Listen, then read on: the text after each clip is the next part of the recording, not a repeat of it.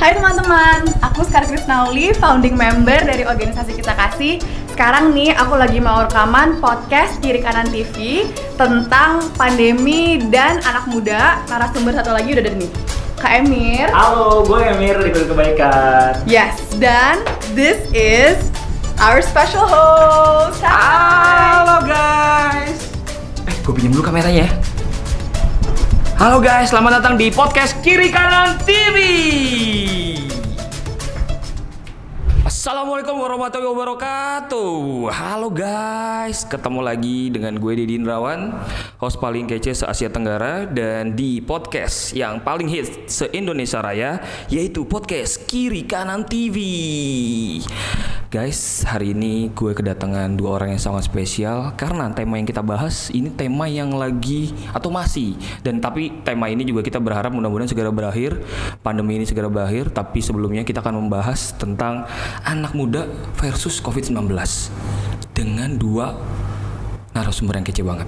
Yang pertama inilah teman lama gue dan kita terakhir ketemu pas eh, ini Mir ya eh, TK ya. TK. Oh, ah, playgroup ya. Playgroup. Jadi udah lama banget nggak ketemu. Ini adalah orang yang sangat tampan dan berita baiknya buat rekan-rekan Kikan adalah dia masih single. Oh ya. Ya, ini antara berita baik dan buruk ya Mir ya. Antar baik dan buruk. Di persimpangan itu bang. Iya, ini adalah Reski Emirdani Utama. Ya. Dia adalah salah satu eh, relawan dari eh, Kurir apa Kurir Kebaikan dan juga founder Yacht Power Indonesia. Yes. Pokoknya anak-anak muda urusan Emir lah. Iya, iya, iya. Muda-muda ya. Yang muda-muda, yang tua-tua serahin ke saya aja ya. yang pengalaman maksudnya. Dan satu lagi tamu yang juga nggak kalah spesial ya. Biasanya kita biasanya tamunya cowok-cowok Mir. Iya. Tapi hari ini agak berbeda. Nggak berbeda. Dan kita agak enak juga kalau cowok lagi, cowok lagi. Cowok mulu ya. Iya gitu loh. Dan ini adalah salah satu juga cewek yang spesial. Dia adalah salah satu founder dari Kisah Kasih. Dia adalah eh, Seka Krisnauli. Hai, Bang Halo, apa kabar Emir sekarang? I'm good. Baik. Oke, alhamdulillahirobbilalamin di tengah pandemi ini ya. Yes. Kita masih bisa beraktivitas, masih berkegiatan, masih juga bekerja. Emir juga sekarang juga kita masih dalam menjalankan aktivitas di tengah yang pandemi yang data terbarunya adalah kita mengalami kenaikan. Dan rekor baru ini sesuatu yang nggak bisa dibanggain banget guys ya. Ini sama sekali nggak bisa dibanggain karena ini adalah situasi yang memang harus kita hadapin bersama. Tapi kita selalu percaya dan yakin bahwa ini semua akan segera berakhir. Dan hari ini kita akan bahas kenapa eh, COVID ini bisa terus bertambah dan apa peran anak muda terhadap pandemi ini.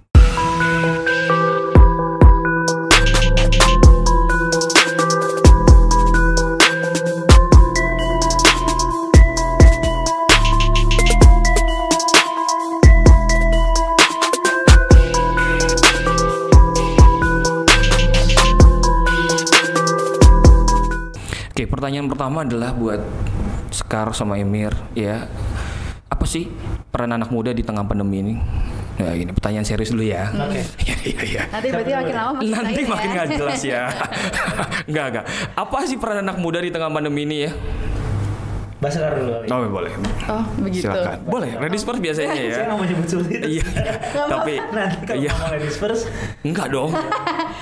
Buat seksis lagi. banget. Oke. Silakan. Oke, em, tadi pertanyaan dari Bang Deddy adalah sebetulnya peran pan- peran Anak muda di tengah pandemi. peran anak muda di tengah pandemi Hmm. itu seperti apa? Kalau misalnya menurut aku, em, I think em, sangat penting bahwa anak-anak muda itu berani untuk em, membantu komunitas-komunitasnya.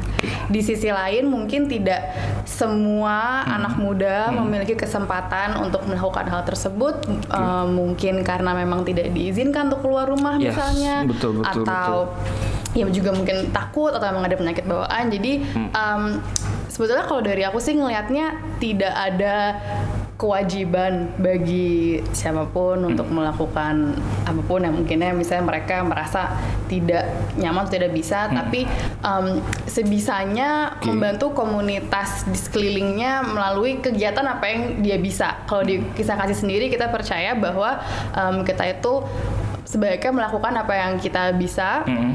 eh, dengan apa yang kita punya untuk Oke. apa yang kita percaya. Jadi kalau memang jadi memang setiap orang itu kan pasti punya ada limitasi-limitasinya sendiri. Jadi kita juga harus menyadari sebetulnya resources kita tuh yang paling bisa tuh apa. Yes. Karena sebetulnya kalau kita berada di rumah dan menjaga jarak itu juga sudah membantu Cukup membantu. komunitas-komunitas di sekeliling kita, keluarga kita tetap sehat, Yes. apalagi kalau misalnya kita tinggal sama orang tua atau sama anak-anak yang masih kecil. Iya, iya. Jadi em, menurut aku sih yang paling penting kita tahu kita Oke. bisanya apa, kita do something about it, Yap. dan itu juga buat yang kita percaya.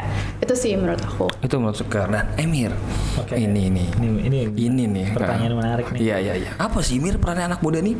Oke, yang pertama harus dipahamin mungkin eh, COVID ini kan eh, sama-sama bencana, tap- eh, bencana tapi bencana non alam ya. Jadi bencana yang memang nggak nggak nggak seperti biasanya akhirnya- Extraordinary ya Mir ya? enggak enggak Iya, beda iya, lah sama iya. bencana-bencana lain tapi Iya, yang betul, memang betul, harus betul, kita betul. ingat juga bahwa yang kita ingat juga bahwa eh, peran anak muda yang sebelumnya itu mungkin eh, mengambil posisi ngebantu atau eh, kerelawanan Iya, iya, iya. sebelum-sebelumnya itu cenderung ke lapangan cenderung menjadi volunteer Hmm, cenderung menjadi tenaga-tenaga yang memang harus harus sifatnya eh, eh, di, di di di medan di medan Oke. atau di lapangan Di lapangan ya. Nah, eh, ini yang membedakan narasi relawan se- eh, sebelum dan saat saat COVID ini. Ya, Ketika ya. memang anak muda itu ada sisi dilematis, banyak banget mereka yang pengen bantu, ingin pengen, pengen bantu, pengen aktif, tapi yang eh, yang ada di gambaran mereka itu dalam COVID itu mereka ngebantu untuk turun ke lapangan dan untuk eh, untuk untuk tetap tetap beraktivitas gitu. Ya. Nah, sedangkan yang harus kita definisi ulang dalam dalam COVID ini adalah eh, narasi relawan dalam wabah COVID ini eh, itu merupakan eh, bisa kita bisa kita eh, modifikasi dengan ya. kegiatan-kegiatan seperti kiri kanan TV ini Siap. dengan seminar online. Jadi Betul. jadi bahwa ke- peran anak muda bisa eh, bisa kita ubah nggak hanya tentang kita ngebantu turun ke lapangan walaupun eh, ma- eh, tetap tetap harus ada mereka mereka Iya. tetap eh, turun ke lapangan bantu kegiatan sosial dan- Yes. dan, salah satunya adalah teman-teman kisah kasih dan kursus Kasih dan kita tetap, kita tetap eh, kita tetap ada di bagian situ cuma Mhm. eh, Cuma yang dikhawatirkan adalah efek influence kita yang akhirnya malah eh, bertabrakan dengan Iya. nilai-nilai pemerintah untuk tetap menjalankan social distancing, physical distancing. Nah, eh, harapannya peran peran anak muda di sini kita komplit. Kita memiliki ruang-ruang yang memang ada mereka yang tetap menjalankan secara virtual, tetap menjalankan edukasi Hmm. secara online, tetap ada podcast-podcast atau YouTube yang memang eh, sifatnya eh, mendidik, mendidik Hmm, dan sosialisasi, tapi juga tetap ada mereka yang turun ke lapangan untuk kegiatan sosial. Jadi Iya. eh, benar kata Mbak Sekar tadi bahwa memang kita bisa ngelakuin apa pun karena Hmm, nggak ada hal besar sebelum eh, kalau nggak ada hal-hal kecil harapannya kita saling saling kolaborasi di situ Yes, saling betul, poinnya itu. kosong dan dan tujuannya tetap satu ya kita menyelamatkan menyelamatkan bangsa ini eh, terjebak dalam wabah covid Ya. dan dan yang perlu dipahamin lagi musuh terbesar dalam covid ini sendiri adalah eh, mindset ya Eh, musuh terbesar kita adalah mindset bagaimana warga negara Indonesia bagaimana pemuda kita semua melihat covid ini sebagai apa karena karena dari awal dari awal saya di sampai saat ini saya nggak eh, saya nggak melihat eh, saya melihat masalah ekonomi dan masalah kesehatan tapi Iya. yang masalah terbesar ada di mindset bagaimana kita melihat COVID ini eh, sebagai apa dan Sebagai apa? Betul, dan betul. eh, sekali lagi permasalahan mental dan mindset itu di Indonesia menurut saya menjadi PR kita semua. gitu. PR kita bersama ya. Yes. PR bersama, betul sekali. Oke, tadi kita lanjut ya mengenai tadi jawaban dari Emir maupun dari Sekar juga bahwa ya artinya anak muda sangat bisa berperan banget di tengah pandemi ini. Emir tadi bisa bilangin bahwa banyak cara, Sekar juga tadi udah sampaikan ya bahwa ada yang bisa langsung ya tadi terjun ke langsung teman-teman di kurir kebaikan, teman-teman dari kisah kasih bahkan saya lihat sendiri ya bahwa langsung menuju ke masyarakat, ikut terlibat dan ambil bagian dari eh, setiap kegiatan-kegiatan yang berkaitan dengan langsung ke masyarakat. Tetapi teman-teman juga ada juga yang mengambil eh, langkah untuk ya udah dengan gue di rumah, gue tetap masih bisa berkegiatan, apalagi sekarang eranya digital, gue masih bisa melakukan webinar, gue masih bisa melakukan zoom meeting, gue masih bisa beraktivitas, bahkan banyak sekali youtuber-youtuber baru ya di tengah pandemi ini. Jadi bahwa selalu ada plus minus di tengah wabah ya.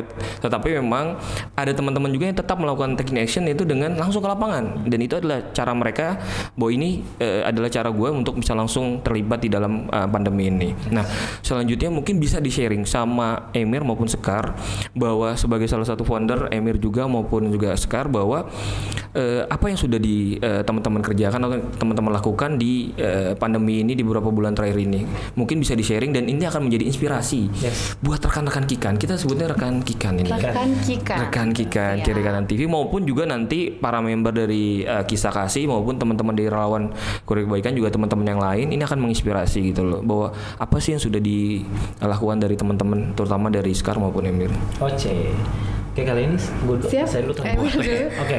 Jadi kalau eh, awalnya awalnya murni eh, murni kita tuh eh, melihat ruang yang kosong ya kita Ya. melihat ruang kosong karena waktu awal masuk pandemi ke Indonesia covid ini ke Indonesia eh, itu sudah mulai ada sudah mulai ko- ada concern orang untuk eh, oke gue stay di rumah gue nggak mau ngapa-ngapain dan dan akhirnya eh, awal mulanya itu kita bahas adalah kita kekhawatiran kita ketika emang daya beli masyarakat menurun Yes. karena kita melihat beberapa kali awal kita rapat itu di BNPB kita langsung eh, ada ada kegiatan sosial untuk bagikan nutrisi di rumah sakit hmm, Tarakan Oke. saat pulang itu kita ngelihat banyak banget eh, pedagang-pedagang yang sudah mulai ke eh, pembelinya. Iya, iya, kita iya, ngelihat ini nggak akan stop di sini dan ini akan masih panjang sekali Betul, betul. dan fokusnya kita awal ada di sana. Fokusnya bahwa memang eh, gimana cara kita menyelamatkan teman-teman yang berpangku tangan sama pendapatan harian. Iya. fokusnya ada di sana. Dan dan ternyata eh, memang karena latar belakang berbeda-beda ternyata kita ada ada eh, yang berlatar belakang dokter yang berlatar belakang aktivis Oke. influencer youtuber dan lain-lain.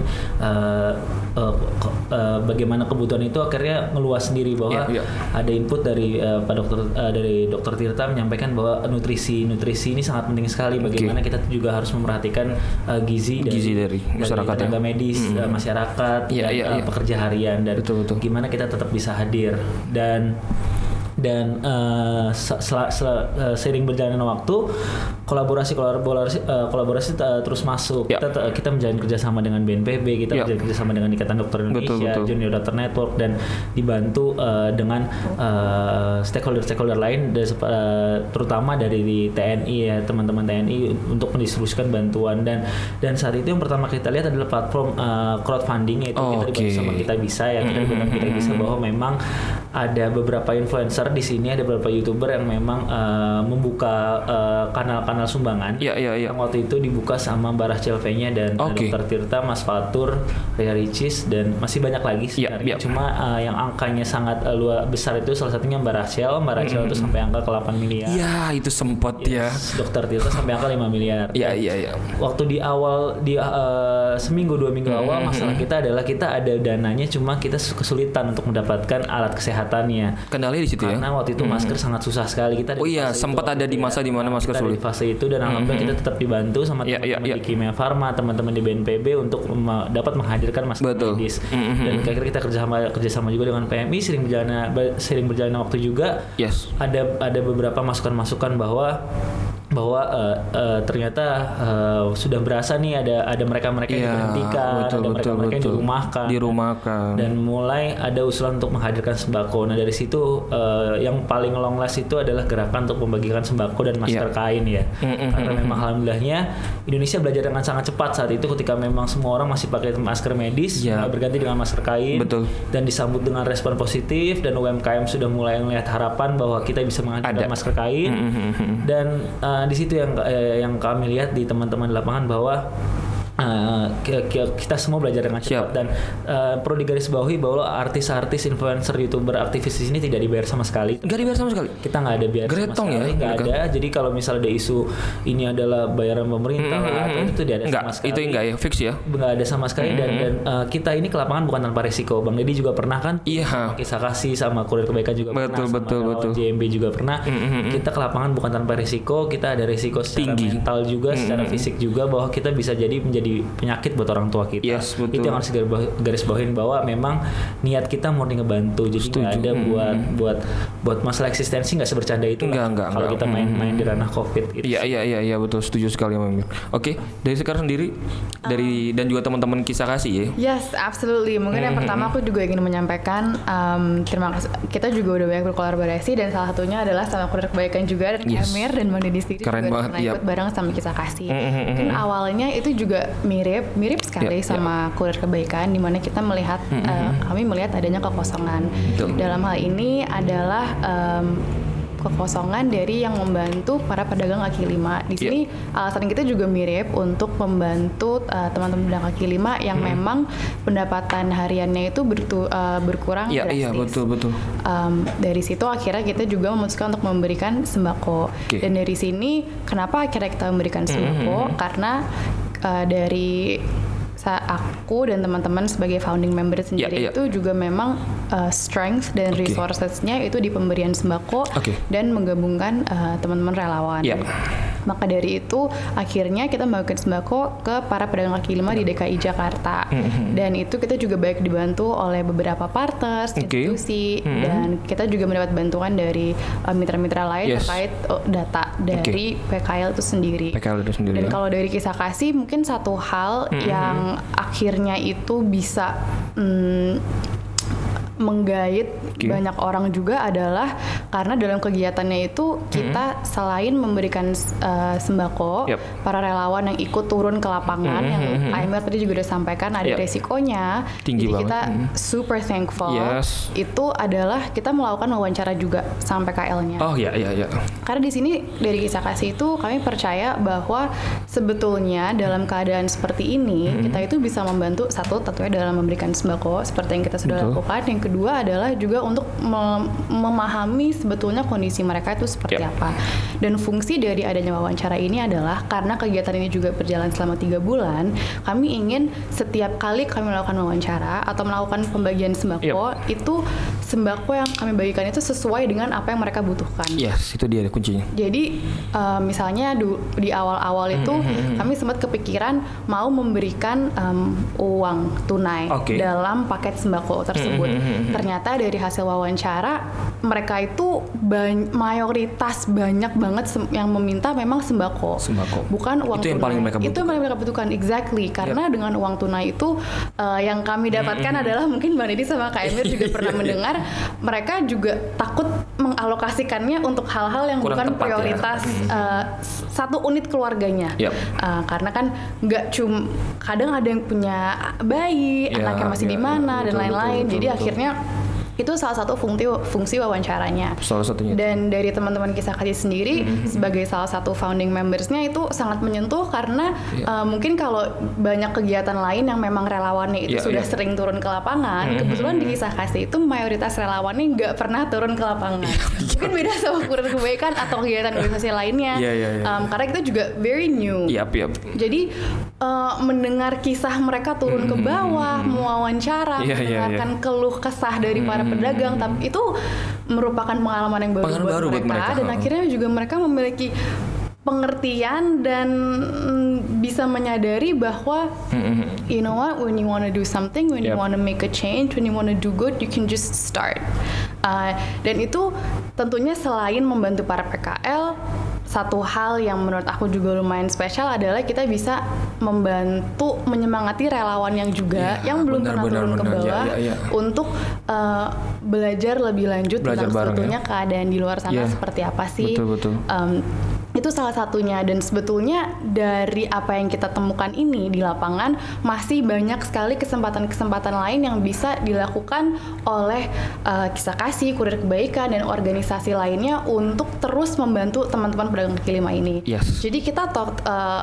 kemarin tuh totalnya sudah memberikan sembako ke 2.500 pedagang kaki lima Mhm. dan dari itu yang sukses kami lakukan wawancara datanya masuk itu ada sekitar 1.150 1.200 dan ternyata di antara itu eh, 92% dari mereka itu sebetulnya tidak mengikuti eh, tidak masuk ke dalam ekosistem online. Oke. Jadi itu juga merupakan suatu penemuan kami di lapangan bahwa ke depannya atau sebenarnya sekarang ini hal yang bisa kita lakukan Iya, secara iya. sustainable adalah kita bisa ngangkat mereka bareng-bareng untuk masuk ke dalam misalnya ekosistem, Ekosistem online. Si- Dan sama mungkin seperti adanya YouTube, Instagram Yap, dan lain-lain itu men- ibaratnya menyelamatkan Iya, kita iya, iya. dari eh, hal-hal yang mungkin sebelumnya kita belum pernah bisa lakukan Iya iya betul. kita bisa berkarya di platform-platform ini em, sayangnya mereka itu sebenarnya belum bisa antara tidak punya gadgetnya Bisa jadi.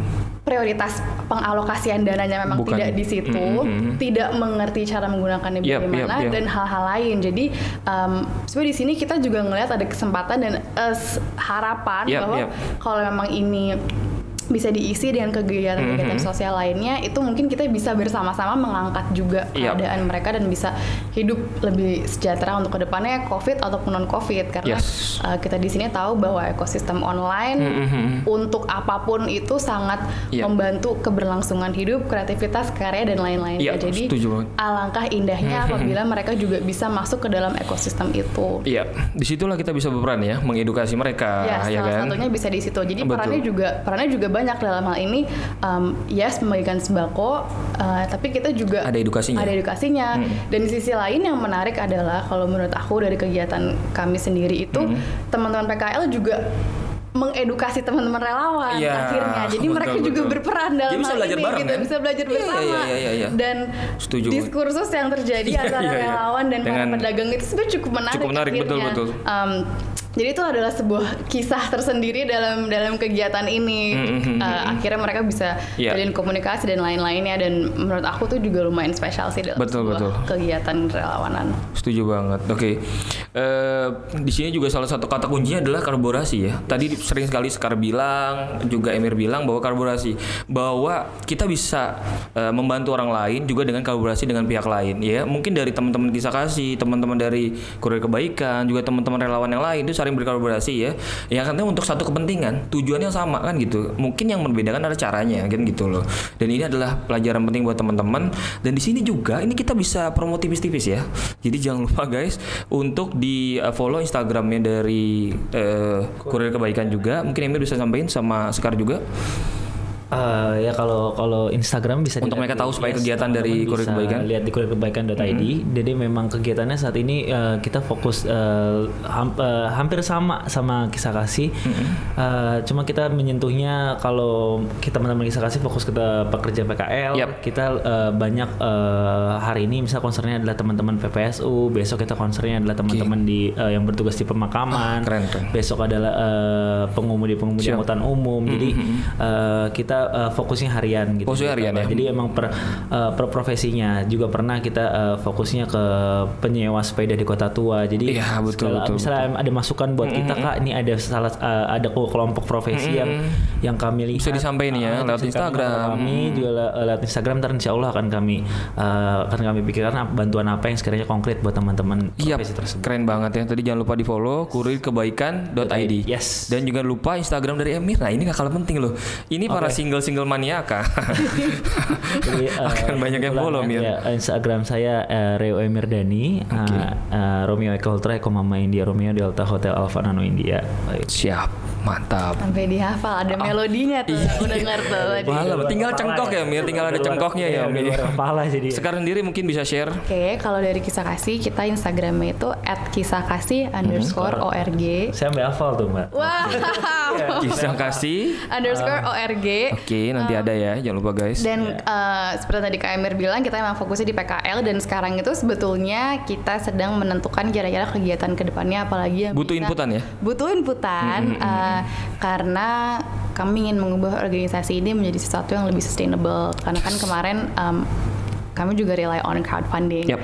Eh, begitu sih dan di situ bisa banyak menemukan statistik yang menarik mengenai Nah, pedagang kaki dia. lima Em, seperti yang tadi aku juga udah sampaikan Kita bisa ngeliat fakta baru ya. Apa sih yang Yes. terjadi? Ha-ha, dan Betul. sebetulnya itu yang yang ingin kita bisa sampaikan juga sih bahwa mungkin tidak banyak diketahui sebetulnya sedrastik apa sih dampaknya. Mungkin memang kita bisa menyadarinya sendiri, Oke. tetapi em, lebih lebih baik apabila itu terukur Yap. menurut kami. Jadi untuk memberikan solusinya itu juga lebih jelas. Jadi Yes. itulah kenapa akhirnya kita juga mengadakan wawancara sama para teman-teman pedagang kaki lima. Yap, yap, yap. Gitu. Oke, tadi jadi Instagram, eh, Instagramnya Sekar guys, Oh, jangan lupa ya. Baiklah.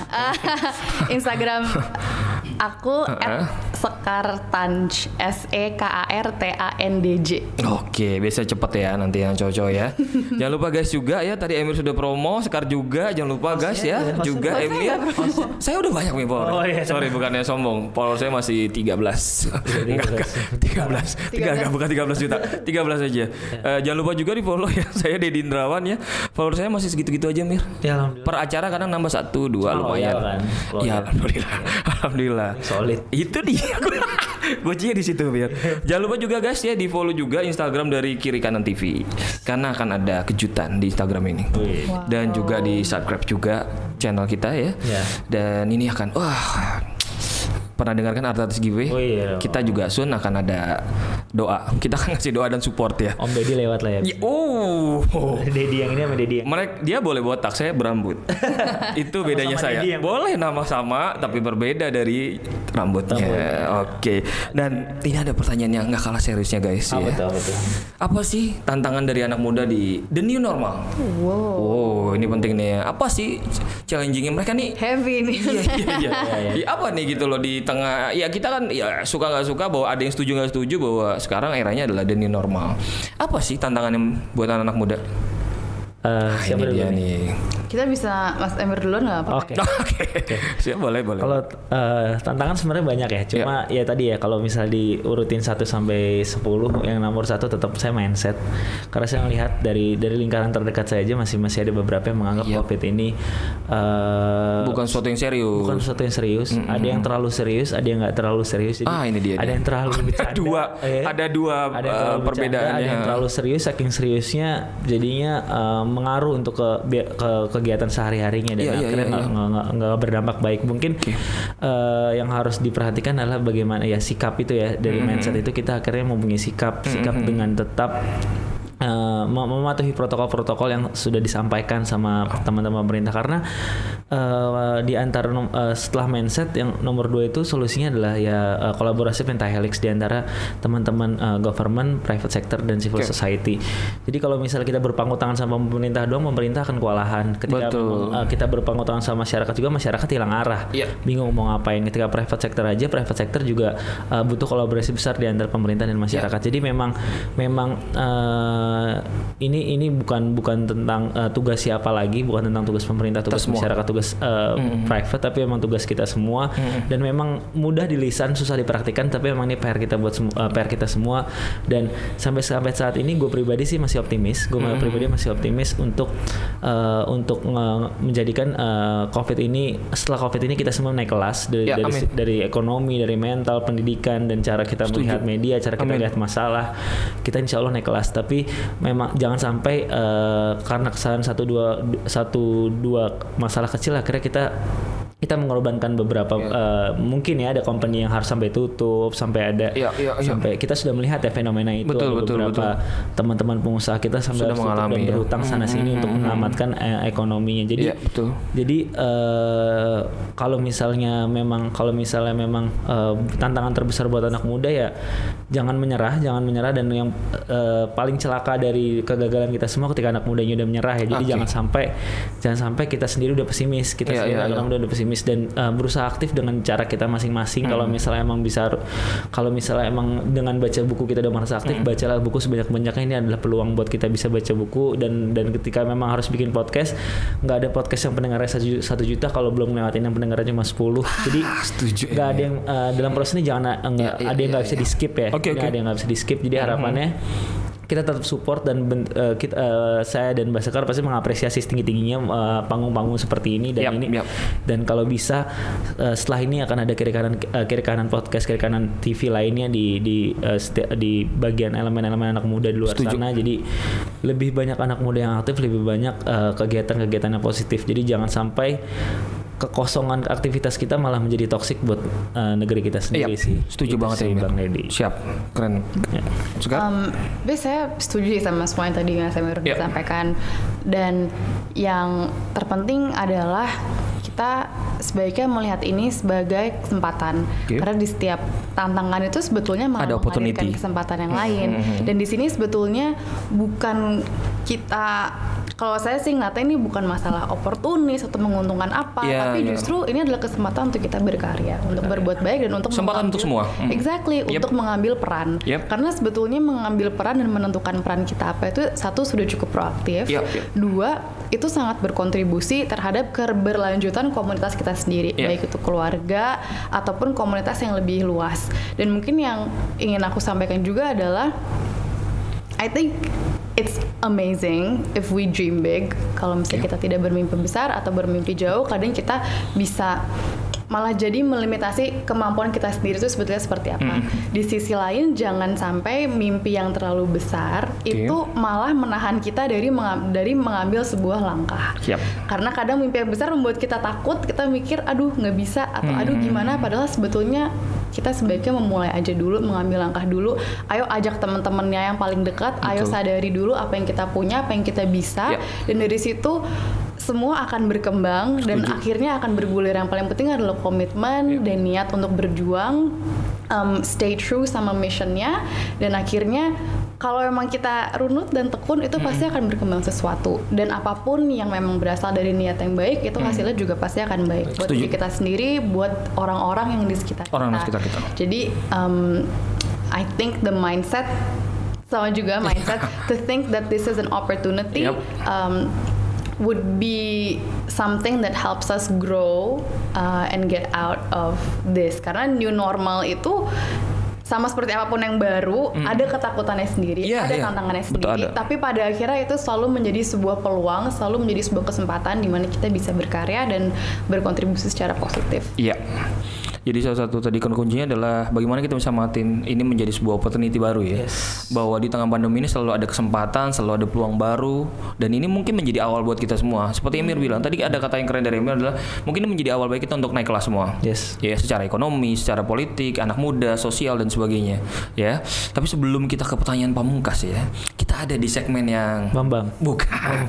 ya, segmen yang namanya adalah tancap. Waduh. Apa itu? Tanya cepat. Oh, Tuh, gitu. ya, ya. Jadi Deg-degan ya jadinya. Iya betul nih. Rapid ini memang fire. Ah. segmen yang, aduh gila sih. Beberapa orang sih banyak kan mau meninggal. ya? Kalau anak sekarang bilang mau meninggal. Mau meninggal nih jujur. Iya jujur, sumpah demi apa pun. Saya nggak pernah makan bebek. Iya. Untuk bebek yang ini saya Iya, makan. Sumpah demi apa pun deh. Kenapa selalu kata-kata itu ya?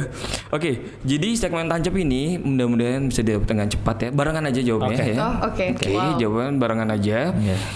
Kerja atau bisnis? Bisnis. kerja Oke.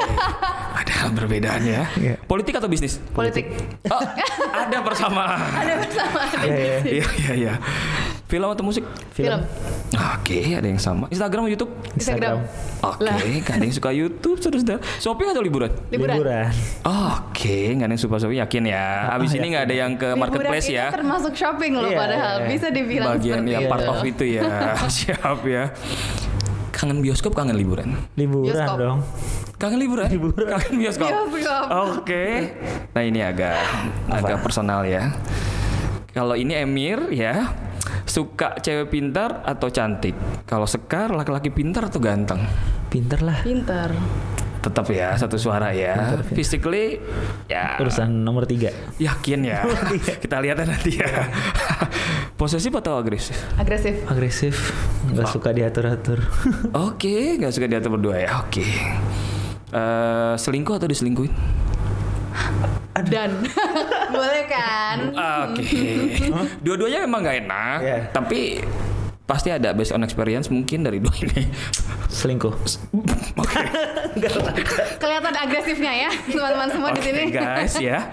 Ya baik ya Emir ya. Mudah-mudahan Ya, bisa. Nggak apa-apa, nggak ada pilihan Iya, lain, iya. nggak apa-apa, nggak apa-apa. Cuek atau bucin? cuek Cuek. Cuek.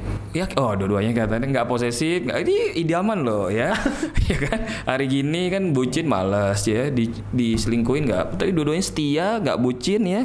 Dan juga pertanyaan pamungkasnya sehat atau sukses? sehat Sukses. Oke, ini ya, ini, ini, ini, ini perlu kita tanya nih. Kenapa Mir? Ini udah pertanyaan sulit. Saya tahu banget ini sulit karena gue juga kadang jawabnya susah. Tapi kalau Emir, kenapa lebih milih sukses? eh sukses sukses itu emang kayak harus bukan bukan gift ya gitu Mhm. tapi emang benar-benar gimana ya Eh bertahun ada ada ada yang bisa kita kasih ke generasi-generasi setelah saya gitu loh. Kalau masalah sehat itu subjektif banget ke hal gue banget gitu loh. Subjektif Jadi banget. sebenarnya Mm-mm. kerja keras gue ini ujungnya ini adalah memperbaiki derajat orang tua. Itu mimpi mimpi garis besar gue gitu. Jadi kalau Iya, iya. misalnya apa yang gue lakuin ini gue nggak bisa ngasih lagi siapa ke keturunan gue Mm-mm. tuh gue kayak sama aja nggak nggak ngelakuin apa-apa dan dan ada di fase ketika memang yang penting anak gua nggak eh, nggak Nggak ngalamin kesulitan. ya nggak nggak nggak sekeras gua lah dalam berusaha. yap, yap. Eh, egoisnya seperti itu Dan iya. berkata kalau sehat nggak sehat itu kan subjektif banget Mhm, itu lebih ke gua banget sukses nggak sukses tuh sahabat gue bisa ngerasain suksesnya gue Mhm. keluarganya mungkin kalau misal gua sehatnya Mhm. gua nggak sehat lantas gue nyusahin itu baru urusan ya urusan urusan mungkin laki-laki dan gue sekarang ngerti sih ini lebih oh, jadi kayak curhat ya sekarang. apa-apa. Ini ajang jorot kok. Beberapa orang Kenapa- sudah melakukan. Kenapa jadi kenapa banyak banget pada akhirnya cowok-cowok kayak bokap gue gitu gitu menahan-nahan nggak ngomong kayak sakit terus sekarang gue kayak paham gitu loh maksudnya ternyata emang sakit nggak sakit sehat nggak sehat tuh subjektif banget gitu loh jadi Lagi janjian kembali all about mindset ya. Kadang-kadang ada juga. Hah? Ya ada orang yang mindsetnya sakit, ya kan sebenarnya fisiknya baik-baik aja. Iya gitu kan Heeh. murni subjektif banget sih, Subjektif ya. bahkan makanya gue suka bilang su- sugesti kali ya gitu sugesti kali ya kadang Jadi Emil lebih priority lebih ke sukses sukses. Justru berbeda adalah something different ya bahwa Nah, ini berbeda dengan ya itu sekarang lebih priority adalah happiness kali ya sehat. sehat. Oke. Iya, kalau dari aku kenapa aku akhirnya memprioritaskan Mm-mm. sehat karena sebetulnya dari pengalaman dan pandangan aku Siap. sendiri dalam um, ketika kita sehat, body and soul, spiritually, physically itu um, ketika kita memberi baik untuk diri sendiri ataupun orang lain tuh Mm-mm. lebih ikhlas dan bisa terus terus memberi. Karena um, dan memberi itu bisa banyak sifatnya iya, betul, bisa betul. dari secara materi ataupun wak- waktu Bisa Oke. berbentuk nggak berbentuk ah, exactly Yap. bisa berbentuk bisa nggak berbentuk dan um, aku melihat ketika kita sehat itu kesempatan untuk melakukan itu secara tulus secara Yap. berkelanjutan Oke. um, itu lebih banyak Oke. dan kita pun juga merasa senang kalau kita sehat orang yang kita sayang orang-orang di sekeliling kita juga sehat eh, juga juga Ikut. senang Mhm. dan kalau kita nggak sehat baik itu up dari segi apa pun Iya, iya. itu itu biasanya untuk bisa mencapai sesuatu yang lebih atau yang ingin kita capai itu menjadi lebih sulit Oke. Um, dan itu pengartiannya bisa banyak sekali Iya, iya, iya. Um, jadi seperti itu Seperti itu ya. Setuju, setuju. Itu yang berbeda. Nah ini ada tadi satu hal juga yang perlu kita bahas nih. Harusnya hari ini ya kalau on schedule adalah hari pertama bioskop dibuka. Oh enggak hari ini gitu. Eh 29. hari ini ya 29 kan? 29 atau 30? Besok, Besok, ya sorry. besok harusnya. Besok harusnya dibuka tapi ternyata harus dipending kembali tapi untuk sesuatu yang lebih penting kan gitu. Tadi kangen bioskop kangen libur. Emir tadi liburan liburan. saya kangen bios Ya, ya. Emil lebih kangen liburan ya. Wah, kangen banget. Ingat nggak terakhir liburan kapan? Gue terakhir keluar negeri aja Hong Kong itu Iya, sama itu? GMI. terus Last year, eh, iya akhir tahun eh enggak eh, pas selesai pilpres 2019. 2019 ya, ya, ya. 2019 selesai pilpres dan ke Bali gue udah nggak tahu terakhir gue kapan gue udah nggak tahu bentuk pantai itu masih kayak gitu nggak masih, masih, insya Allah masih, dan pasti lebih keren Bali. oh iya gue udah nggak tahu terakhir gue kapan ke Bali deh Mm-mm. Sedih Jadi itu ya sedih ya. Sedih. Itu yang dikangenin ya. Sekarang terakhir nonton bioskop kapan? Ingat nggak? Terakhir nonton bioskop Bulannya lah mungkin tuh, minimal. aduh filmnya deh oh filmnya Ah, eh, Lion King bukan ya no. Bukan, oh, no. kayaknya aku ini deh eh, Little Women Cuma itu Little, Januari. Little Women itu iya ya Januari Februari. Sebenarnya aku lupa sih itu kapan ah. keluarnya. Tapi film terakhir yang aku tonton itu di bioskop. Di Little bioskop Women. berarti sekitar bulan Ya Januari. Januari, Februari. Pokoknya awal-awal tahun. Awal tahun. lah intinya gitu. sangat ah. lama ya gue kalian ini. ya. 2020 belum nonton bioskop sih Sama. Oh iya, ah serius? belum belum belum Jadi sebelum pandemi belum belum Januari Februari gue Januari nggak nonton bioskop sama sekali? nggak nonton ya Oke. gue pasti Nah, Semangat guys, aku kita juga berharap. udah liburan, jadi mungkin itu perbedaannya kalau sebelumnya Mas Ever udah liburan, akhirnya kangen liburan. Iya, iya, iya. Sebelumnya aku nonton bioskop, akhirnya aku kangen nonton bioskop. Dan kita semua akan terus berikhtiar dan berdoa bahwa pandemi ini segera berakhir ya. Amin. Dan kita bisa kembali benar-benar real normal ya, benar-benar normal dan ya kita bisa menjalankan apa yang kita suka. Sekarang pun kita bisa memang, tapi memang ada pembatasan-pembatasan Oke. ya. Jadi mudah-mudahan ya soon kita akan segera liburan ya dan juga senang nonton bioskop ya. Mudah-mudahan ada schedule baru nih kapan bioskop dibuka karena itu cukup menjadi pertanyaan para netizen yang budiman juga gitu loh bahwa aduh bioskop kenapa nggak jadi dibuka dan sebagainya. Tapi mudah-mudahan ini semua segera berakhir ya karena kita akan ngalamin pertanyaan yang serius banget ya. Waduh, setelah tancap tadi ya. Ya, betul. ini sekarang langsung tancap ke hati ya, karena memang ini miris ya. Kita bicara angka ya. Jadi kalau kita bicara, saya contekan dulu ya. Angkanya cukup miris bahwa kita mencatat sebuah kasus atau rekor baru per hari ya. Jadi ini perlu eh, bukan suatu yang perlu dibanggakan, tapi ini suatu yang menjadi warning gitu loh bahwa ada angka baru ya eh, rekor baru ya. Bahkan angkanya itu sampai 100 ribuan sekarang kasus di seluruh Indonesia ya. Dan tentu akan banyak juga eh, teman-teman yang sembuh memang alhamdulillah juga banyak. Tetapi eh, rekor barunya adalah eh, yang menindak positif dari eh, COVID ini juga bertambah setiap harinya. Dan ini menjadi sebuah tantangan yang luar biasa juga buat kita semua. Dan apa yang bisa eh, di sharing sama eh, apa namanya atau masukan ya advice apa atau saran apa dari Emir maupun Sekar di tengah kondisi seperti ini. Coba Mas Sekar dulu kali. Baiklah, um, advice di saat kita lagi naik naik. Ini lagi naik luar biasa. Um, menurut saya sebetulnya sangat penting untuk kita um, tetap optimis, um, terus hopeful, Yep. um, have faith. Yep. Di sisi lain, di sinilah saatnya um, kita betul-betul harus memikirkan bahwa apa pun yang kita lakukan itu ada dampaknya untuk orang lain Oke. mungkin sebelum pandemi itu bukan sulit sih, tetapi tidak terpintas di otak, bukan otak tapi kayak tidak sering kita pikirkan bahwa sebetulnya apa pun yang kita lakukan sekecil apa pun itu ada dampaknya untuk orang lain. Iya, iya, Dan setuju. mungkin sekarang itu menjadi lebih tertanam karena se, se- se- bukan sepele ya tapi apa ya se ya sesepele kita ngobrol deket aja itu dampaknya bisa bisa besar sekali Yap, yap. dan di sini more than ever I think Mm-hmm. kita harus terus berpikir tentang bagaimana apa yang kita lakukan itu berdampak kepada orang lain kepada komunitas kita sendiri Yap. Um, dan itu menurut saya bisa membantu kita untuk lebih um, sehat, Yap. lebih menjaga jarak dan terus juga mengikuti protokol kesehatan Yap, yang yang itu dia yang penting. Um, itu pastinya hal yang penting. Yap.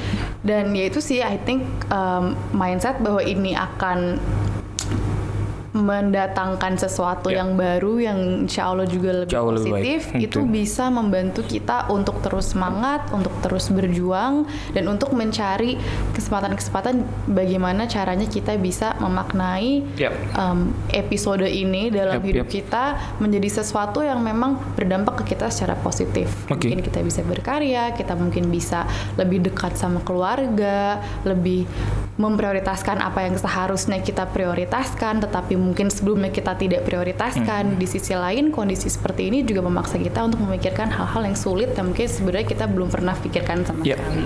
Jadi, mm, ya satu protokol kesehatan tentunya, Yep. terus um, mindset bahwa ini pasti akan berlalu dan akan menghadirkan sesuatu yang lebih baik lagi untuk Iya, iya, kita dan betul. untuk kita dan di sekeliling kita dan mm, menyadari bahwa apa pun yang kita lakukan itu pasti akan berdampak sama orang lain yang luas. akhirnya itu bisa membantu kita juga untuk refleksi lagi Yes. bahwa should I do this, should I not do this dan mungkin itu akan membawa kita kepada suatu kesimpulan yang lebih bijak untuk diri kita masing-masing.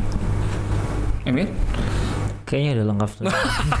Enak banget. Enak Ini nambahin aja Ya. dari Mas Sekar tadi itu eh, eh, ko- komprehensif banget. Cuma eh, saya tambahin sedikit kalau Boleh, misalnya eh, jangan bosen ya, jangan bos, jangan bosen berbuat benar karena fase Ya. terburuk dari akhir eh, akhir dari episode ini adalah ketika orang-orang sudah capek ber, eh, berpela- berbuat benar, berbuat Hmm. benar dalam arti, dalam arti, eh, sudah mulai capek memakai masker, sudah Ya. mulai capek mawas diri untuk mencuci tangan, sudah mulai capek dengan memerhatikan physical distancing, sudah sudah mengang- eh, sudah akhirnya eh, jenuh akan hal-hal yang benar tersebut dan yang selanjutnya adalah buat mereka-mereka yang kehilangan pekerjaan, buat mereka-mereka yang mela- me- melal- sedang melalui masa paling sulit dalam hidupnya, Iya, iya. jangan merasa sendirian.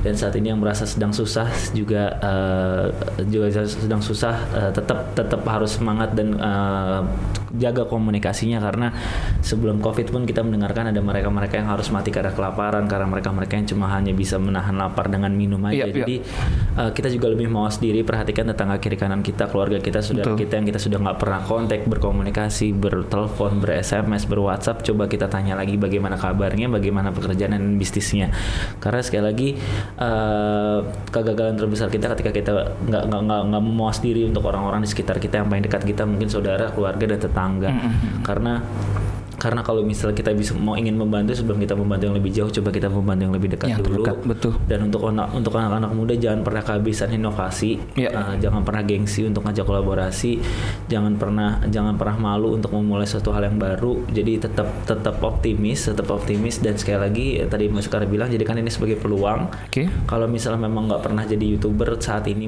Ini mungkin saatnya ya. saat ini waktu Ah. kita belajar jadi how to be a good youtuber Yap. mungkin atau kita belajar untuk menjadi seorang, seorang podcaster atau kita mulai untuk menulis buku atau- Ya, betul.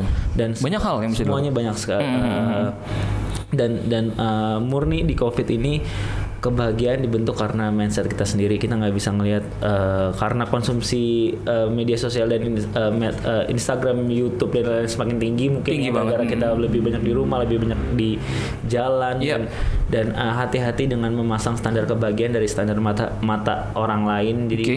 Pastikan eh, pastikan jangan gam- jangan minderan lah jangan Iya, iya, minderan saat betul, betul, betul. misalnya emang bisa mau ga- mau gabung mau belajar saya Mbak Sekar Bang Dedi di sini pasti kita welcome Kita, betul. welcome dan kisah kasih juga tadi ingin berlanjut ke organisasi yang sustain dan Yap, saya, dan saya pribadi doakan semoga bisa menjadi so- yayasan yang sangat luar biasa ya karena Amin, amin. keren banget jujur ketika memang eh, beberapa kali kita ngeliat karena niat tuh niat gitu Sekarang iya, iya. banyak banyak orang yang eh, kasih terus udah gitu loh ternyata di eh, di eh, kisah kasih ini ada beberapa informasi-informasi yang itu mahal sekali Iya, gitu. iya, iya, iya, betul, betul. yang kenapa saya berkali-kali bilang di Kurir Kebaikan ini beda banget ini bantuannya beda banget karena kita mendapatkan eh, informasi yang sangat pertama eh, ya eh, menambah insight kita juga Mm, mm, bahwa mm, betul. bahwa emang eh, ini loh keadaan ketika lo ngerasa lo paling sulit lo harus ngelihat bahwa ada yang lebih sulit dan Yap. dan real itu real ketika emang di Jakarta eh, di kisah kasih itu kita ngelihat benar orang yang tadinya pendapatan 200 ribu jadi cuma 20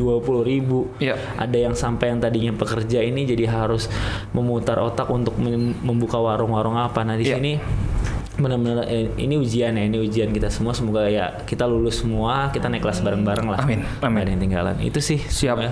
Nah, ini lanjut ya. Ini adalah eh, apa ya? Salah satu pertanyaan pamungkas juga ya. Mungkin apa yang bisa di Banyak pertanyaan Iya, pamungkasnya. betul ya. Karena Bambang Pamungkas juga nomornya banyak ya. Jadi kayak TCPNS Iya. Jadi apa yang bisa di-share nih dalam waktu dekat apa yang akan dilakukan oleh Emir maupun juga dari Scar juga eh, terutama yang berkaitan dengan kisah kasih sama tadi udah dikasih bocoran sedikit. Nah, ini juga nanti akan jadi inspiratif juga buat yang lain juga yang akan menginspirasi yang lain bahwa nextnya apa yang akan dilakukan dari Emir maupun di Scar bisa di-share mungkin nextnya akan ngelakuin apa nih yang berkaitan tentu dengan eh, COVID ini. Emir? Ada ex- ada explain ada action plan apa nih? Kalau kalau dari dari kita di teman-teman Guru Kebaikan saat ini eh, emang kita eh, banyak berkolaborasi sama teman-teman eh, influencer yang eh, tergerak Keren. yang yang yang saat ini tergerak untuk Betul betul. Kak mau dong melakukan kegiatan yang sama. Ah, Kebetulan kerja, eh, kegiatan saya bareng ya. produk ini dan eh, beberapa terakhir ini kita kedatangan uh, Sarahkel, kita kedatangan, kedatangan eh, Grita Agatha, kita Siap. kedatangan eh, eh, Mas eh, Ma- A. Agusta, kita Oke. kedatangan Indira Kalista. Jadi Mm, mm, memang eh, kita eh, welcome untuk siapa aja. Jadi nggak yap. nggak harus influencer aja, nggak harus youtuber aja. Jadi untuk siapa pun yang non influencer, belum jadi influencer, belum jadi youtuber juga Bisa. kita bisa yang Mhm. penting uh, apa yang mau kita lakuin itu aja apa yang mau kita lakuin dan misalnya ada ada ada masukan di mana kita ayo kita jalanin dan menurut saya untuk SDM SDM uh, saat ini uh, paling menantang mungkin di teman-teman kisah kasih ya iya, SDM-nya. iya. karena emang kan rutin untuk rutin dan kalau di teman-teman kuliah kebaikan ketika memang ada bolanya kita cari SDM-nya kita terus ke Siap. lapangan jadi untuk rutin untuk rutinnya kita selalu bilang, wow oh, uh, kisah kasih ini rutin banget gitu Iya iya iya. dan dan menjaga menjaga komitmen manusia itu lebih lebih berat daripada Benar banget. lebih berat ya lebih berat dari menjaga apa pun lah dan dan kita semua paham soal itu bagaimana Ya. kita bisa mengakhiri tujuan ini dengan komitmen dan konsistensi dan dan harapannya kalau misalnya emang teman-teman punya gerakan yang sama, roh yang sama, gairah yang sama, langsung bisa komunikasi di antara kami berdua di kurir kebaikan dan kisah kasih. Dan sekali lagi kita welcome kalau teman-teman juga mau buka kanal-kanal baru, kanal baru baru juga nggak masalah. Kita berlomba-lomba dalam kebaikan. Dan ini hal yang positif Banget. Ini harus bisa diperhat, eh, dipertahankan. Jadi kalau untuk terdekat itu ya kita Itu yang tetap, kita eh, tetap menjaga siklus dan insya Allah kalau misalnya memang ini bisa berangkat eh, ini bisa eh, menginfluence Yap. eh, teman-teman di daerah Mm, mm, mm. ter- terutama yang Di seluruh Indonesia ya bisa Yes, menginspirasi. terutama di titik-titik yang sama eh, sama tragisnya deh sama Iya, Jakarta iya, ya. betul, betul, betul. Kayak Sulawesi Selatan, kayak Surabaya. Gitu-gitu betul. harapannya ada kisah kasih kisah kasih di wilayah Di wilayah sana, ya. kebaikan kebaikan di wilayah sana karena Betul, betul. beberapa kali komen-komen di eh, eh, kanal medsos kami adalah kak ada nggak di wilayah ini Di wilayah lain. di wilayah ini dan eh, jadi eh, jadi eh, murni ini kan murni adalah gerakan organik ya Betul. Ada- kita nggak ada dorongan dari stakeholder pemerintah pun dari swasta dan hak dan kalau bisa teman-teman memiliki inisiatif yang sama mau di mana pun teman-teman berada gitu sih Oke, Mir. Dan untuk yang mau join sekali lagi bisa di langsung saja ke kurir kebaikan.id dan Instagram dari Emir Reo Emir Dani Emir Dani. Silakan sekarang mungkin bisa di-share. Uh, uh, tadi benar banget siapa yang kata Mas Emir emang we're super open to collaboration Yep. to anything dan mungkin kalau dari kisah kasih sendiri itu menariknya juga adalah banyak di antara teman-teman kisah kasih yang akhirnya juga melakukan sesuatu sendiri setelah Oke. uh, Terinspirasi. setelah, terinspirasi setelah uh, iya, iya. karena sebetulnya untuk pembagian sembakonya gitu alhamdulillah kami sudah mencapai target awal Um, jadi untuk rutin pembagian sembakonya itu mau kita update menjadi sesuatu kegiatan lain yang bisa mengisi kekosongan yang kita temukan waktu wawancara Yap. itu yang paling pertama Oke. seperti apa nanti mekanismenya itu masih harus digodok lagi Baik. dan kemudian ya yang tadi saya bilang ternyata um, yang saya juga kaget dan lumayan menyentuh adalah dari teman-teman kita kasih ini tuh mereka jadi teman-teman sendiri dan akhirnya bikin kegiatan-kegiatan sendiri. Iya, iya, Um, iya. Ada yang bikin podcast, Ah, ada yang ah. bikin kegiatan sosial lainnya yap, yap. dan sebetulnya itu sudah merupakan kepanjangan tangan dari kisah kasih ataupun kurir kebaikan juga sih. Bahwa dari dari satu kegiatan yang akhirnya menular ke teman-teman yang sudah ikut dan mereka akhirnya bikin lagi dan menular lagi ke semakin baik semakin Iya, baik iya. semakin banyak. Jadi kayak tadi kata Mas Emir juga kita berlomba-lomba untuk kebaikan. Dan malah di sini um, I don't wanna speak for Emir tapi dari saya sendiri justru seneng kalau melihat itu. Karena berarti ya ini ya mungkin kalau dari segi program itu sudah habis tapi kegiatan sosial ini tuh cukup sustainable Iya, betul, ternyata betul, dari benar, satu benar, orang benar. kelompok lain kelompok lain kelompok lain dan iya,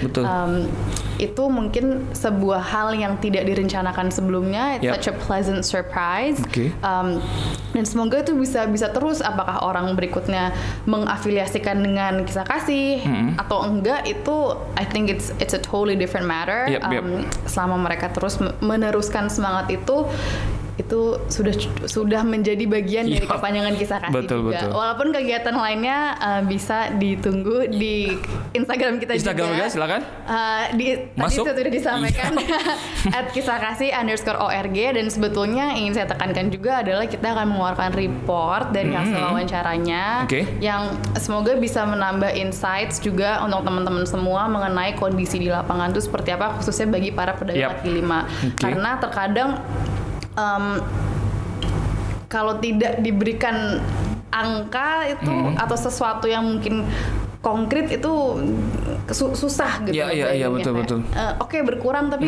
gimana gitu. Jadi dengan hasil ini, dengan cerita-cerita yang juga sudah kami sampaikan melalui akun Instagram itu kami harap itu bisa me- menarik teman-teman untuk ikut dan juga Oke. sekali lagi mengajak teman-teman untuk ikut Yap. melakukannya sendiri kalau memang itu yang teman-teman bisa. Yap. Um, karena sekali lagi kita percaya it all starts from you, it all Yap. starts from what you have. Jadi ya nggak usah muluk-muluk, just just start. Oke, silahkan teman-teman bisa join sekali lagi di kisah kasih ya. Tadi Instagramnya adalah Kisah kasih underscore org. Yes teman-teman dan gue adalah saksi matanya Be, ya dan gue benar ikut dua-duanya teman-teman benar-benar keren banget ya benar-benar inspiratif banget Thank you. dan begitu banyak sekali anak-anak muda yang mau join ya Mir ya banyak juga mungkin ada yang di Instagram dan sebagainya bahkan hampir setiap hari ada relawan baru ya kalau dari kisah kasih ya Iya, Kebetulan saya join di grupnya ya. Iya, ya, selalu ada, selalu ada orang baru yang terlibat. Enggak itu keren banget. Gue sampai kaget, oh, kok selalu ada yang baru dan itu keren banget. Bahkan teman-teman. mitra penyetir itu ya, pengupdi online ya. Iya iya iya itu keren banget. Makanya Ya teman-teman. kenapa kita suka Yes. agresif-agresif. Oke ayo guys sekarang gabung ya kalau lu mau mau langsung banget terlibat ya mau ikut kegiatan terlibat langsung ke masyarakat ikut langsung berperan ke masyarakat bisa langsung ke kurir kebaikan teman-teman dari kisah kasih karena dua dua organisasi ini luar biasa dan sangat inspiratif dan gue benar-benar udah merasakan dua-duanya Dua-dua. dua-duanya Mantap ya. jiwo. mantap jiwo sekali lagi terima kasih Terima kasih. Emir dan Skar ya. Jadi Pamungkas sudah nggak ada lagi. Pamungkas nggak ada tapi mungkin ada quote Oh baik. dari Emi, dari Scar untuk memotivasi anak muda, untuk memotivasi kita semua sih. Bukan cuma anak muda, tapi kita semua mungkin ada uh, quote atau kata-kata motivasi yang biasa Emir karena Emir sekali lagi ini bukan selain ini ya. Emir ini ada influencer sekaligus nggak juga ada. trainer ya. Ini promo bener-bener. Emir ini Jadi benar keren host kita banget. ini suka bumbu memang. Enggak, enggak, enggak. saya suka bumbu, bumbu, bumbu Iya, ketoprak, bumbu kacang, saya suka. Benar-benar. Emir ini trainer salah satu influencer juga, sering juga memberikan pelatihan-pelatihan. Terakhir kita pelatihan public speaking. Jadi Emir tuh biasanya kata-katanya itu bikin orang nggak bisa tidur. Dan cewek-cewek biasanya Hutang jadi, kali lagi hutang ya. Jadi. Jadi gitu Emir. Oke. Cewek-cewek bisa agak Closing langsung- statement kali ya. Yes, mungkin dari Emir ada closing statement atau quote of the day. Cie, quote of the day. Pokoknya eh, itu sih ya, eh, jangan menyerah, jangan Yep. menyerah sama keadaan bahkan ke diri sendiri aja. eh, kepedulian kita dilihat bagaimana kita ngejaga orang-orang di sekitar kita dan diri kita sendiri. Jadi eh, kalau misalnya memang teman-teman mau bergabung bersama Yep. kami, eh, semakin banyak, semakin eh, luas, eh, semakin luas gerakannya, semakin ba- eh, banyak juga menerima manfaatnya. Siap. Semakin eh, banyak penerima manfaatnya, semakin eh, kita bisa bantu mengurangi aspek-aspek yang memang eh, membutuhkan di luar sana terlepas dari mereka-mereka yang pekerja harian maupun eh, yang memang eh, kesulitan di profesi masing-masing. Tapi eh, sekali lagi musuh terbesar di pandemi ini adalah mindset. Mindset, kita kita harus kita harus eh, sebelum kita memperbaiki mindset orang, kita harus memperbaiki mindset kita sendiri. Kita harus beraura eh, harus beraura positif sejak kita bangun tidur dan mau tidur lagi. Dan eh, 24 jam COVID ini bisa jadi panjang sekali buat mereka-mereka yang sedang berjuang di luar Iya. sana.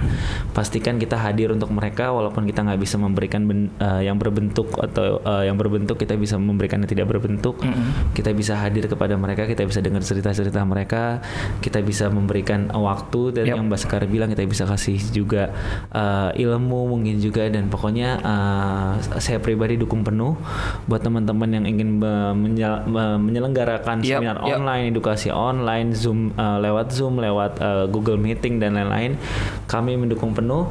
Kami siap hadir, siap membantu dalam eh, dalam eh, ranah sharing, eh, ranah edukasi walaupun memang kita pasti sama-sama saling belajar dan insya Allah Insya Allah eh, sama-sama kita bisa lah, sama-sama kita bisa kolaborasi Pentahelix digaungin lagi. Yap, setuju banget sih. Itu aja sih.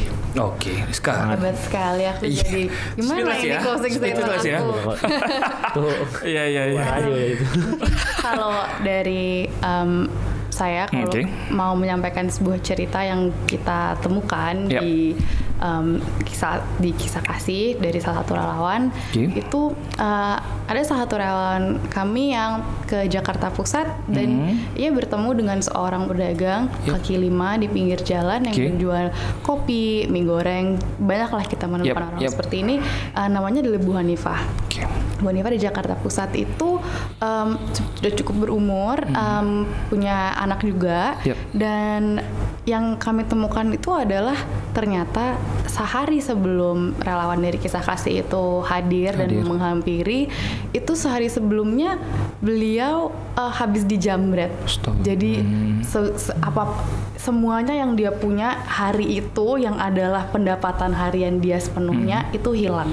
KTP-nya hilang, kartu BPJS-nya hilang, kartu apa kesehatan keluarga juga semua hilang dan dia itu putus asa banget dari ceritanya ini. Putus asa banget lama banget dia akhirnya tidak keluar lagi untuk berjualan. Oke. satu berjualan sendiri sudah beresiko dari kesehatannya. Di sisi lain kalau dia nggak jualan juga bagaimana dia harus menghidupi dirinya dan keluarganya. Jadi setelah sekian lama itu dia akhirnya tidak berjualan Ya. dia memberanikan diri untuk kembali keluar dan memperjuangkan keluarganya, Hmm. memperjuangkan hidupnya dan memperjuangkan apa yang ia bisa dan akhirnya dia keluar rumah dan memberanikan diri Oke. walaupun dia sudah eh, apa di Ngalamin. jam di jamret dan mengalami ke- apa kejadian yang ih kita semua nggak ada yang mau lah Iya, kayak gitu. setuju. Jadi eh, yang saya dengar adalah ketika relawannya datang itu sebenarnya dia awalnya ada takut, ada takut karena Karena ngalamin kejadian karena itu. ngalamin kejadian itu dan um, ya kami kan juga ibaratnya strangers yang mengaj- yang menghampiri iya, ibu ini ya. betul, betul, betul. Uh, dan akhirnya di situlah terjadi conversation itu yang akhirnya di sini saya bisa menyampaikan cerita ini Yap. ke Bang Didi, ke Kak Emir dan Yap. ke teman-teman semua yang Yap. me- apa yang mendengar, Mendengar um, di sini. Jadi mungkin yang ingin saya sampaikan adalah uh, satu there's goodness everywhere. Yep. Um, selalu ada kebaikan di mana pun Selalu. selama kita juga ingin mencari dan ingin mencari tahu Yep. dan juga tulus dalam kegiatan mencari itu Mhm. there's inspiration everywhere Yep, yep. dari cerita itu saya mendengar relawan yang cerita itu juga terinspirasi dari ibunya dan dari relawannya Relawannya. yang merasa terinspirasi dari cerita Betul, ibunya betul, betul. Um, dan itu merupakan rantai kebaikan sendiri Yes. dari cerita-cerita seperti itu dan ibunya kisah kasih saya dan saya rasa teman-teman semua di sini itu di sini bergerak juga dari sekali lagi apa yang teman-teman punya Iya. dengan apa yang teman-teman bisa untuk apa yang teman-teman percaya dan kalau misalnya dalam dalam manifestasi itu teman-teman mau bergabung sama kisah kasih itu alhamdulillah banget Silakan. sama kurir kebaikan that's amazing Yep. sama kiri kanan TV itu juga incredible Yep. Um, jadi sekali lagi jangan para semangat Yep. Terus melihat kebaikan terus mencari inspirasi Yes. dan dalam itu semua juga terus tulus dalam melakukannya karena Iya, iya. everything will be good kalau kita ikhlas kalau kita tulus dan akan kembali lagi ke kita membuat Setuju. kita merasa merasa senang juga kalau tuh yap. orang-orang lain senang uh, kita merasa ki- kita sudah berdampak untuk teman-teman yang Yap, lainnya dan itu suatu hal yang tidak konkret, tidak kelihatan, tapi dampaknya tuh besar sekali. Besar banget. Jadi uh, teman-teman semua semoga tetap tetap positif, baik, menebarkan semangat, kebahagiaan, walaupun dalam hal-hal yang sulit itu pasti ada hikmahnya semuanya. Yes. Tuh. Thank Itu you. Terima kasih banyak Scar. Terima kasih banyak Emir. Oke, Terima Luar kasih, biasa banget Bang ya. Kasih, Sehat dan sukses selalu buat Sukses Emir sama-sama. Scar. Amin. Dan sama-sama sehat, sama-sama sukses. Sama-sama sehat dan sukses ya. Kalau ini kita harus dua-duanya ya. Kita berharap bisa dapat dua-duanya ya. Dan terima kasih udah menginspirasi kita semua. Luar biasa banget dua orang hebat ini ya akan terus menginspirasi anak muda Indonesia. Sekali lagi teman-teman ya eh, jaga kesehatan, sehat dan sukses selalu. Tapi sebelum kita tutup podcast kiri kanan TV, kita ada sesuatu yang sangat spesial. Apa itu, Untuk oh, dua orang yang spesial ini. Wow. Wow. wow, Kepo? wow. Kepo dong. Banget dong ya. Dan ini rasanya pengen meninggal banget. Tuh, tuh, tuh ada. Sumpah demi apa pun, oke di bawah saya ada ya Gaib. dan ini gaib banget. Tapi sekarang udah real. Yang Sudah pertama, sorry ya takutnya salah ukuran ya. dan untuk ukuran yang agak besar, tentunya buat Reu ya. ini Terima ada kasih banyak. Ini Terima kasih kiri kanan TV. Kiri Kanan TV, punya baju ya. lebaran lebih awal. baju lebaran lebih awal. Terima Silakan bisa dipakai di Idul Adha ya. Kita pakai di belakang. Oh Idul Adha. Terima kasih. Thank you, Emir. Bang Deddy dan Sama-sama. Dan ini ya. Ini juga saya ucapin banyak banget terima kasih ya. Ini oh agak terbalik ya kayaknya ukurannya. Ya. Oh iya, Emir. Mohon maaf lahir batinnya. Iya. Oh, iya, nggak Oh, apa-apa ya. Oke, serahin lagi. Nggak usah disebut ya malu. Iya. Ukuran. Yang disebut. Ukuran Emir sorry double XL. Oh, ketahuan deh. sorry, sorry, sorry. Oh, Ya. ngirim kan jadi tahu. Iya Gimana dong, kode keras nggak gitu loh. Jangan lupa juga ya para sponsor yang masuk nih masih kosong nih space available ya. Oh, Nih iya. kosong, nih kosong ya. Oh, Silahkan yang mau masuk. ya, promo tipis-tipis guys. Dan ini juga buat orang yang spesial juga yaitu Scar. Thank you banget. Yeay, thank you so much Bang Dedi dan kiri kanan Iya, TV. ya, ini keren banget, ya. Nggak salah ukuran nih kali ini ya. Kali ini nggak aman. tidak. Aman ya. Thank you banget Emir dan Thank you, Scar. thank you Sehat so dan sukses selalu you ya. Dan terima kasih sudah menginspirasi kita semua. Sehat dan sukses selalu. Podcast kiri kanan TV. Bye semuanya. Bye bye.